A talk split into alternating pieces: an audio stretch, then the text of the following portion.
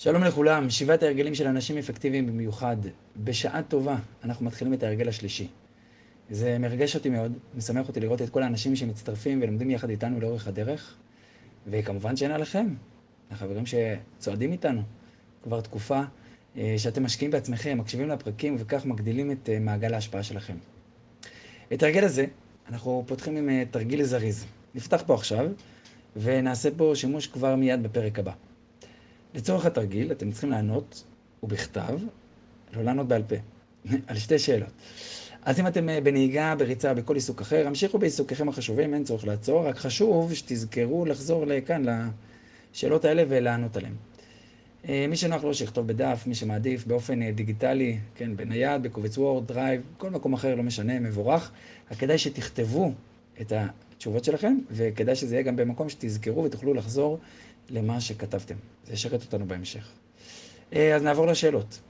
שאלה ראשונה, מהו הדבר האחד שלו עשית או עשית, ואינך או אינך עושה אותו היום, באופן קבוע, והיה מביא שינוי חיוב, חיובי עצום בחייך האישיים? אני חוזר על השאלה, מהו הדבר האחד שלו עשית ואינך עושה אותו היום, באופן קבוע, היה מביא שינוי חיובי, חיובי עצום בחייך האישיים? שאלה שנייה, מהו הדבר האחד בעסקיך או בחייך המקצועיים שיכול להביא לשינוי חיובי עצום בחייך המקצועיים או בעסקים שלך. אני חוזר על השאלה, מהו הדבר האחד בעסקיך או בחייך המקצועיים שיכול להביא לשינוי חיובי עצום בהם? השאלות האלה נחזור אה, בפרק הבא, אז אה, תשמרו את התשובות שלכם היטב, וזה הזמן להתחיל לדבר על ההרגל השלישי. אז ההרגל השלישי אם אה, ככה ניתן לו כותרת, הוא בעצם הפרי האישי. נחזור רגע ל... אה, על מה שראינו בהרגל 1 ו-2, ונראה בעצם איך הרגל מספר 3 מתחבר, והוא ממש התוצאה של הרגל הראשון והרגל השני. אז אה, להרגל הראשון אנחנו קראנו הרגל הפרואקטיביות. קראנו לו אתה יוצר, כלומר אתה אוחז בהגה ואתה זה, או את יכולים להוביל ולשנות ולקדם את חייך. ואם יש בי פרדיגמה על עצמי שאינני אוהב, או שיש לי צורת אה, התנהלות או תגובה שאינה אפקטיבית עבור יותר, אני יודע ידיעה פנימית עמוקה שיש בכוחי לשנות את הדברים. אתן ככה דוגמה, אם אני, בתפיסת העולם שלי, כשאני עולה על הכביש, אז אני אומר לעצמי, בוא'נה, כולם משוגעים פה, כולם חורפנים, אף אחד פה לא יודע לנהוג, ואז אפשר להיהרג פה. והצורת מחשבה שלי הזו על הנהגים סביבי ועל מה שקורה בכביש, מגבירה את הלחץ בתוכי, את התסכול, את תחושת חוסר האונים. לא, לא נעים לי בכביש, אני מבין ש, שאין לי צורך יותר בפרדיגמה הזו, בתפיסת העולם הזו על, על הכביש. אני יכול רגע לשנות את זה ולהגיד, שנייה, יש כל מיני נהגים שנוהגים בצורה לא בטוחה, זה נכון, אבל הרוב נוהגים בסדר. וגם לי יש את היכולת להשפיע על מה שיקרה לי בדרך, כלומר, עד כמה אני נזהר ונצמד לשוליים, או נצמד לנהגים אחרים, או עד כמה אני, באיזה מהירות אני נוסע, כלומר, יש לי יכולת להשפיע על הרבה מאוד אה, דברים שישמרו על הביטחון והבטיחות שלי בכביש. וכשאני משנה רגע את ההסתכלות הזאת, אז אני קצת פחות לחוץ, קצת פחות חרד, מרגיש הרבה פחות חסר אונים, יש לי את העוצמה ואת היכולת אה, לקדם דברים, לעשות משהו, להשפיע. אז זה הרגל הראשון. הרגל מספר 2 הוא בעצם היצירה הראשונה. כלומר, התכנון המקדים, הוא רואה שהוא משפיע על התוצאות החיצוניות, אבל זה, זה משהו שקודם כל קורה בתוכי. משפיע על הפעולות שלי, אה, והתסריט הפנימי הזה שלי, התכנון המוקדם, אה, אותו אני יכול לשנות, לפתח, לשכתב אותו, קראנו לזה, באמצעות הדמיון. עכשיו, הרגל מספר 3 הוא היצירה השנייה. כלומר, הוא התוצאה במציאות של התסריט הפנימי ש, שיש בתוכי. היצירה הראשונה זה מה שקורה בפנים, היצירה השנייה זה מה שיש בו, מה שקורה בחוץ. הוא הגשמה בפועל אה, של אה, מה שיש בפנים, והוא הפועל היוצא של הרגל 1 ו-2. וללא ההרגלים האלה, הראשון והשני, אדם לא יכול לחיות חיים שעקרונות במרכזם. אני רוצה רגע להגיד פה ש... אדם לא חייב את כל ההרגלים, כן? כל שבעת ההרגלים, אתה יכול, יכול לקחת הרגל אחד בלבד, ולהעמיק בו, וממש ככה לקחת אותו פנימה, והחיים שלו יעברו טרנספורמציה מטורפת, זה בטוח. אבל היופי בשבעת ההרגלים, שאם אדם לוקח אותם ומסדר אותם אחד אחרי השני, וממש אה, רואה את, ה, את, ה, את הדרך שעוברים דרך כל ההרגלים, אז העוצמה של ההשפעה שלהם גדלה פי כמה וכמה. וכמובן שלא מדובר פה על איזה אה, רגע אחד שבו אני אומר, אוקיי, זהו, אני מיציתי את שבעת הרגלים, אין איזשהו תהליך ספירלי כזה, מעגלי, שהולך ועולה, וכל הזמן אני יותר ויותר פרואקטיבי, יותר מצליח לראות את הסוף מראש, יותר מצליח לקבוע סדר קדימויות. כלומר, זה איזשהו תהליך שאני כל הזמן הולך ומעמיק בו. זה בעצם קצת יזרוק אותנו להרגל השביעי. אה, ככה שכל הרגל עומד בפני עצמו, אבל כמובן שהעוצמה שלהם נובעת מהסדר והארגון שלהם אחד אחרי השני. אה, וההשפעה שלהם אחד עבור ההרגל הבא שמגיע אחר כך. נחזור חזרה. בתחילת ההרגל השני, דיברנו על ההבדל בין מנהל למנהיג. אמרנו שהמנהיג הוא זה שפועל ממוח ימין, שזה המוח היותר יצירתי, חשיבה שדומה יותר לאמנות, שעוסקת אה, בשאלות המהות, אה, מה שמתבגרים קוראים לו חפירות. ולאחר שהאדם התייחס ברצינות לשאלות המהות העמוקות של מנהיג בהרגל השני, כעת הוא פנוי לנהל בצורה אפקטיבית את חייו, כך שיהיו תואמים יותר לתשובות שענה לעצמו. אה, שהרי אדם שיודע לנהל בצורה מצוינת, אנחנו נמצא, נמצא בג'ונגל הלא נכון, אין לזה שום משמעות. כן, אם אני מנהל תותח, אבל אני בכלל עוסק במרחבים שהם לא, שלא קשורים אליי, שלא, אני לא מבין בהם, אה, שלא מקדמים אותי למקום טוב. אז זה לא עוזר שאני עושה הרבה מאוד פעולות ואני מאוד אפקטיבי, אני קם מוקדם והולך מאוחר ומנהל טוב את היום שלי, אני לא בשדה הנכון, אה, לא יהיו שם תוצאות משמעותיות עבורי. אבל אחרי שאדם הגיע למקום הנכון, שם ניהול מצוין הופך להיות קריטי. אם אני כן הגעתי למקום הנכון, אני כן יודע לבנות לו"ז כמו שצריך ליום, לשבוע, לחודש, לשנה, לנהל את הדברים כמו שצריך, שמה זה פשוט מדהים וזה מביא את התוצאות בצורה אחרת. וזה בעצם ההרגל השלישי. ללמוד לנהל בצורה אפקטיבית את חיינו לאור עקרונות חיינו. וכאן כמובן נזדקק לעזרתו של מוח שמאל, שהוא זה שחושב בצורה מפורטת, אנליטית, מסודרת ומאורגנת, ויסייע לנו להתקדם שלב אחרי שלב. הדברים שאמרנו עכשיו ניתן לסכם בצורה הבאה. נהל בשמאל, הנהג בימין. ועל מנת שאדם יוכל לנהל את עצמו בצורה טובה, הוא זקוק לסגולה אנושית נוספת. אז נברנו כבר על uh, סגולות שהן מודעות עצמית, על דמיון, על מצפון, וכעת הגיעה העת לדבר על הרצון העצמאי. הרצון הוא כוח אדיר וחזק, שמאפשר לנו להוציא לפועל את הדברים שחשובים לנו באמת. אם יש משהו ממש שאני רוצה שיקרה, אה, בין אם זה ביחסים שלי עם בן או בת הזוג, במשפחה, איזשהו רצון איזשהו הישג כלכלי, בריאותי, לא משנה מה. ברגע שהרצון שלי מספיק חזק, אני גם יכול להגיע למציאות בפועל. כולנו מכירים סיפורים על אנשים דגולים וגם אנשים פחות מוכרים, אשר הודות לעקשנותם ורצונם העז לפעול ולעשות דבר מסוים, הם אכן הצליחו. סיפור שנחת בי לעומק בהקשר הזה, אה, עוסק בדרור ויינברג, השם ייקום דמו, מח"ט חברון. אה, נפל שם בקרב. אז דרור היה נחוש בדעתו להגיע לסרט מטכ"ל. הוא לא היה גבוה, הוא חזק במיוחד, וגם היו לו בעיות ברכיים. כולם סביבו היו בטוחים שאין סיכוי שהוא יצליח לעבור את הגיבוש לסיירת מטכ"ל, וניסו להניע אותו מהחלטתו זו. אך דרור היה נחוש בדעתו להצליח. לא משנה כלום, מה יגידו, מה יאמרו, מה יחשבו עליו, לא מעניין. הוא רוצה להגיע לסיירת מטכ"ל. אה, ובאמת, הודות לנחישותו, עקשנותו והתמדתו, הוא אכן הגיע לסיירת מטכ"ל בתור לוחם ביחידה. אחרי זה הוא יצא לקורס קצינים, חזר להיות מפקד צוות ביחידה, ואפילו זכה לציון לשבח על אחת מהפעולות החשאיות בהן השתתף. ואם ככה, היה לו עוד המשך קריירה צבאית, אבל בקצרה זהו עוצמתו וכוחו של הרצון. אם אני ממש רוצה משהו, ואני מתעקש ו- ומתמיד, אני גם אוכל להגיע. אני רוצה רגע להסתייג ולומר שברור שיש דברים ש- שאין מה לעשות, אני לא יכול להגיע, יש איזה הגבלות מסוימות. אבל ההגבלות הן הרבה יותר רחוקות ממה שנדמה לנו באמת. כדי שהאדם יוכל לפעול באמצעות הרצון שלו ולהוציא לפועל את הדברים החשובים לו ביותר, עליו לקבוע לעצמו סדר קדימויות. זה כבר ממש הרגל השלישי. להציב את הדברים החשובים בראש ואותם לבצע. ניהול אפקטיבי משמעו להיות ממושמע לרצונות והערכים הפנימיים שלי ואותם להוציא לפועל.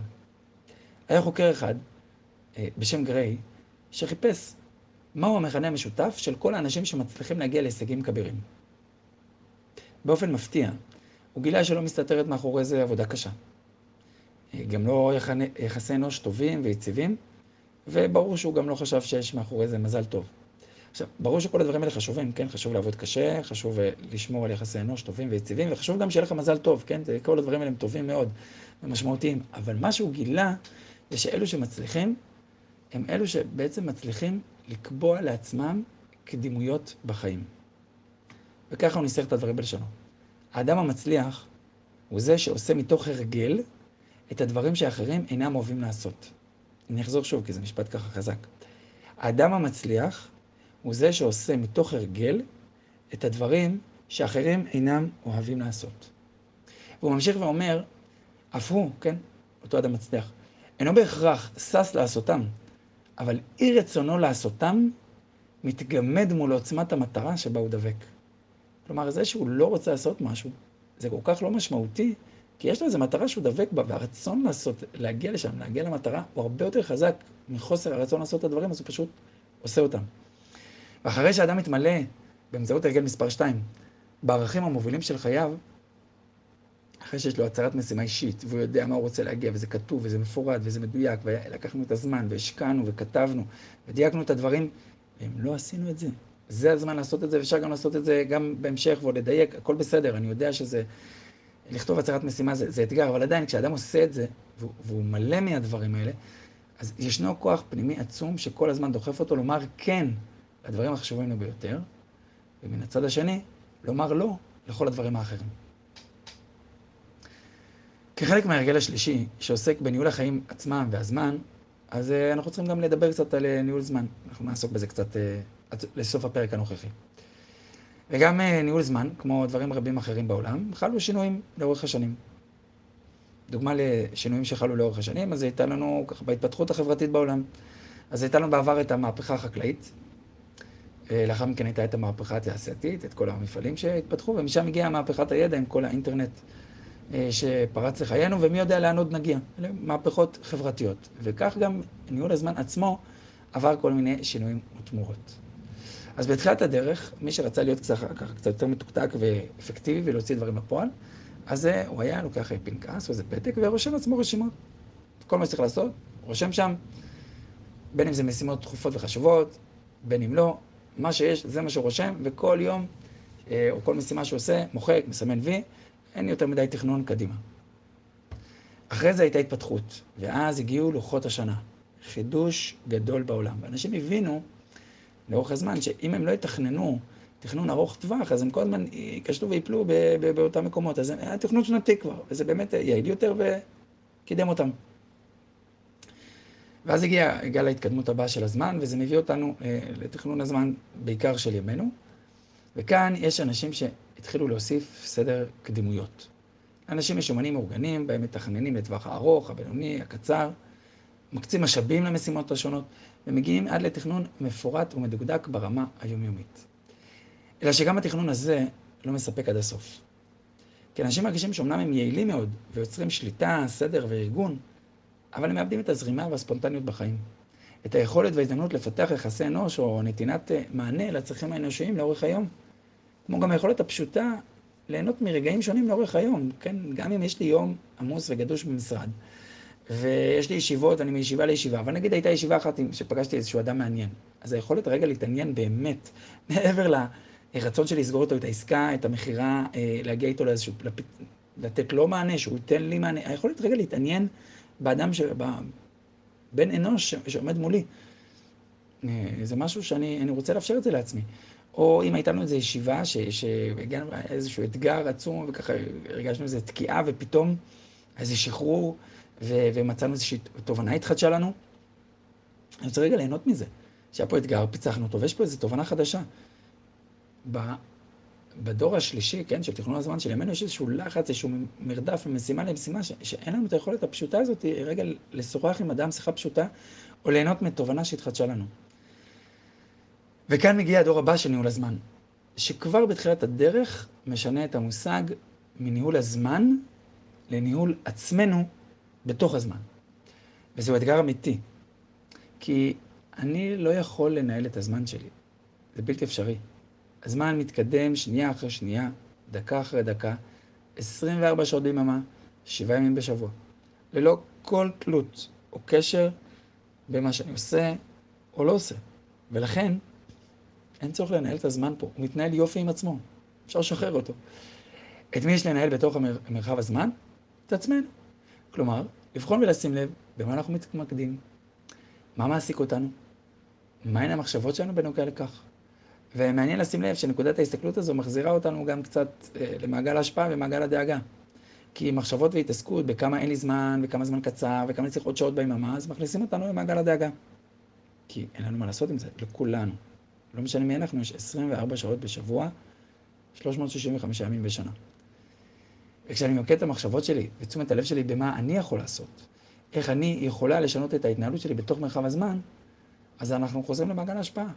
ואנחנו עוסקים במה שאנחנו יכולים באמת לקדם ולפתח. בהתנהלות הזו אה, של הדור הבא של ניהול הזמן, אז יש פחות מיקוד בדברים ובזמן, אלא התמקדות גדולה יותר בשימור וחיזוק יחסי האנוש ובהשגת התוצאות הרצויות לי. יש כאן איזשהו חידוד שצריך לעשות כדי להבדיל בין ניהול זמן בדור השלישי לבין הדור החדש שמוצע כאן ברגל השלישי, וצריך לומר שלא בטוח שזה כזה איזשהו חידוש, כולי שמענו ופגשנו את זה בתוך כל מיני סדנאות או פודקאסטים, או לא יודע מה ששמענו, כי באמת הספר הזה אה, נכתב לפני לא מעט זמן. אבל עדיין יש פה איזשהו חידוד שאני רוצה שנעשה אותו. אז הדור השלישי עושה כל הזמן בניהול סדר הקדימויות בתוך המשימות הקיימות לנו כבר, בתוך הלו"ז. כלומר, יש לי רשימה ארוכה של משימות, אמנם אני מארגן את זה מה היום, מה מחר, מה בחודש הבא, ומה לפני ומה אחרי, אבל עדיין אני קודם כל משחק עם הכדורים שיש לי בידיים. הדור הרביעי מדבר על משהו קצת אחר. הוא אומר, אני מנהל ומארגן את הלו"ז שלי לפי הקדימויות שלי. כלומר, קודם כל אני שואל את עצמי, מה חשוב לי? מה משמעותי עבורי? ואת זה אני מניח ביומן בצורה ברורה, ממש מפנה לכך יום ושעה. וסביב הדברים האלה אני מכניס את שאר העיסוקים בלו"ז. לצורך העניין, אם אני מאוד רוצה להתחיל לעשות כושר, אז אני לא אומר, טוב, אני אעשה את הכושר בערב כשאני אסיים את הכלים ואת הכביסות והילדים והכל, ואז אני אעשה, אה, אני אצא לעשות כושר. ספוילר, בסוף הערב לא יהיה לנו כוח. או שאני אגיד, טוב, בסדר, אז אני אקום מוקדם בחמש וחצי בבוקר, חמש, שש, לא משנה מה, ואז אני אעשה כושר. כן, אבל אם הלכתי לישון ב-12, 1, 2, אין שום סיכוי שאני צריך לקום בשעה כזאת מוקדמת, וגם אם הצלחתי לקום, אין סיכוי לעשות כושר. אבל אם אני קודם כל שם את הקדימות הזאת, הדבר הזה שהוא חשוב לי, יום ושעה, אז אוקיי, אז הדברים מתארגנים קצת אחרת. אני רוצה לראות איך אני מגיע לזמן הזה קצת בנחת, איך בן או בת הזוג נמצאים שם כדי לאפשר לי את זה. אה, ומפנה אותי רגע מההתעסקות עם הילדים, עם השוטף, עם המשימות היומיומיות. אני יכול רגע להתארגן, לנשום עמוק, לצאת לדרך, ולא כשאני כבר בלי כוחות, גמור, סחוט, מחוק, ורק אז אני צריך לראות איך אני אה, יוצא ו... ועושה את הכושר שלי. אז קודם כל אני שם את הדברים שחשובים לי ביותר. ואז אני לא עסוק בלג'נגל בכדורים הנוכחים שיש לי בחיים. כי אז יכול להיות שהכדור שהוא מאוד חשוב לי ואני מאוד אוהב, כמו לעשות כושר, יישאר בצד על הרצפה. אלא אני קודם כל עסוק בלבחור אילו כדורים אני רוצה אה, להרים ולשחק בהם, ואז אותם אני מכניס ראשונים למשחק, ואז אוקיי, סבבה. אז גם אם נפלו כדורים, או יש כדורים שלא נכנסו למשחק, זה לא הכדורים שחשובים לי ביותר. אפשר גם לומר שארגון הזמן ברוח הדור הרביעי הוא בעצם היכולת לשמור על האיזון בין הייצור לבין יכולת הייצור. כן, זה מושג שדיברנו עליו ממש בתחילת הדרך, על הסיפור עם אבזת ביצי הזהב. אנחנו לא רוצים לדחוק את עצמנו חזק מדי לייצר מטרות ויעדים, אבל לשחוק את יכולת הייצור שלנו. הניהול שלנו פה עם הכנסה של סדר קדימויות, זה גם לראות איך אנחנו כל הזמן שומרים על עצמנו, למלא את עצמנו, להעצים את עצמנו, ולשמור על עצמנו רעננים לאורך הדרך. ועוד משהו, אה, אה, ממש ככה כבר לסיכום ולסיום, שחשוב להגיד בהקשר הזה, שהעיקר הוא לא התיאוריה והחידודים בין דורות ניהול הזמן השונים, אלא בפרקטיקה ובצורת ההסתכלות על הלו"ז שלנו ועל הדברים החשובים לנו באמת. ובכל אופן, כן חשוב להניח את התשתית של הדברים והחילוקים והחידודים כדי לייצר בהירות ולהעמיק את ההבנה בתכנים הנפלאים שמחכים לנו בפרקים הבאים בהמשך הדרך. אז אה, איך עושים את זה? איך מתנהלים או מנהלים את עצמנו לפי הקדימויות שלנו? איך בונים את הלו"ז ברוח הדור הרביעי של ניהול הזמן? כל זאת ועוד בפרקים הבאים. שיהיה המשך יום נפלא.